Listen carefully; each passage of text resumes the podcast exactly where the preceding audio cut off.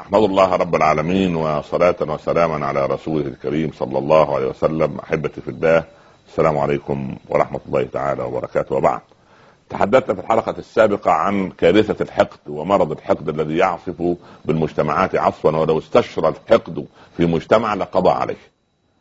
هل له علاج؟ أكيد طبعا له علاج. الحقد أساسا ينبت على شجرة الحسد ثم شجرة الغضب. فإذا أنا تحكمت في الغضب الذي عندي فأنا بفضل الله وتعلمت كظم الغيظ هبدأ في أول خطوة من خطوات الإيه؟ العلاج.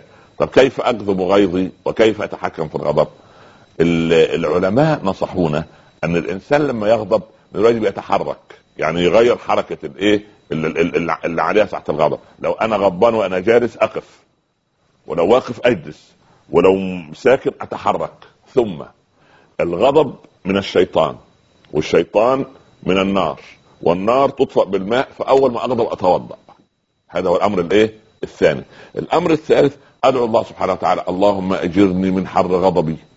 اللهم أجرني من حر غضبي. هذا الأمر الرابع أن الإنسان يتعود قضية الصبر. لأن الإنسان ما الذي يدعو إنسان إلى الغضب؟ أنه غير صبور. فالواحد يتعلم الإيه؟ الصبر. عبد الملك بن مروان جالس في مجلس الملك وينادي على غلام يا غلام يا غلام! فخرج من الداخل غلام. غلام يباع ويشترى وهو في حالة من الغضب الشديد. كلما جلست نستريح تنادي يا غلام. ألا يأكل الغلام؟ ألا يشرب الغلام؟ ألا ينام الغلام؟ فطأطأ عبد الملك رأسه. قال الحاضرون فما يعني لقد ايقنا أنه سوف يرفع رأسه بأمر من أمير المؤمنين بقطع رأس الإيه؟ الغلام. وابتسم عبد الملك وقال إذا حسنت أخلاقنا ساءت أخلاق الخدم. وإن ساءت أخلاقنا حسنت أخلاق الخدم. ولا يمكن أن نسيء أخلاقنا لتحسن أخلاق الخدم.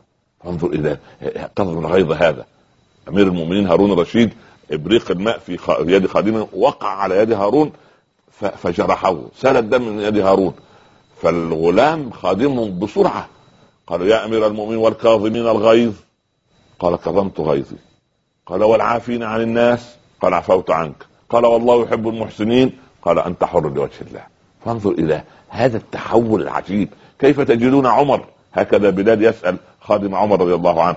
قال قال خادم مؤمن والله إن عمر خير كله إلا أنه إذا غضب فهو أمر عظيم. قال بلال لو كنت عنده ساعة الغضب لقرأت عليه من القرآن فسكن ما به من الغضب. أما العلاج الأساسي والأنجع في قضية ال ال ال ال ال ال الحقد هذه أن يعني سبحان الله أول شيء أن يعني يحاول يحاول أن أحسن إلى من أحقد عليه. يعني افرض أنا حقد على إنسان أبتدي أتودد إليه. أتود وأقترب منه وأدعو له بالخير. والله دي ترفع مسألة الحقد يعني خطوة خطوة. سنة لأن النفس الإنسانية نفس كلما يعني وجد الإنسان أن من يشجعه كمان على الحقد يقول صح عندك حق هو هذا يستحق هذا والله لا, لا يساوي أن ويستحق أن يتبوى هذه المكانة ولا يتبوى وهكذا. لكن لا أنت لا تسمع لهذه الايه لهذه الأفكار وإنما إيه هدئ من روعك هدئ من روعك. وخلي المحبة والألفة تقول أنا لماذا احقد عليه؟ لماذا؟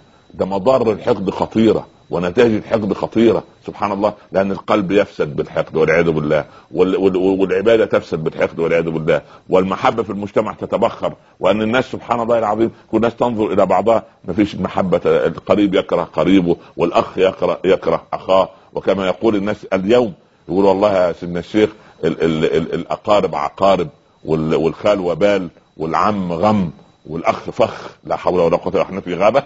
نحن في غابة. هذا من الحقد. لكن لو الحقد شلناه ننزع الشيطان من قلوبنا ونضع المحبة في قلوبنا للناس. ولذلك العبد المؤمن عبد صادق لا يعرف الحقد إلى قلبه سبيلا. لماذا؟ لأنه يرضى ما قسم رب العباد. يعني هم يقسمون رحمة ربك. نحن قسمنا بينهم معيشتهم في الحياة الدنيا لأن الحقد يورث سوء الظن ويورث سبحان الله العداوة في المجتمع. ونحن نريد أن يحب بعضنا بعضا. اللهم ارزقنا المحبة فيك يا رب العالمين. واختم لنا بالصالحات. وصلى الله على سيدنا محمد وآله وصحبه وسلم. والسلام عليكم ورحمة الله تعالى وبركاته.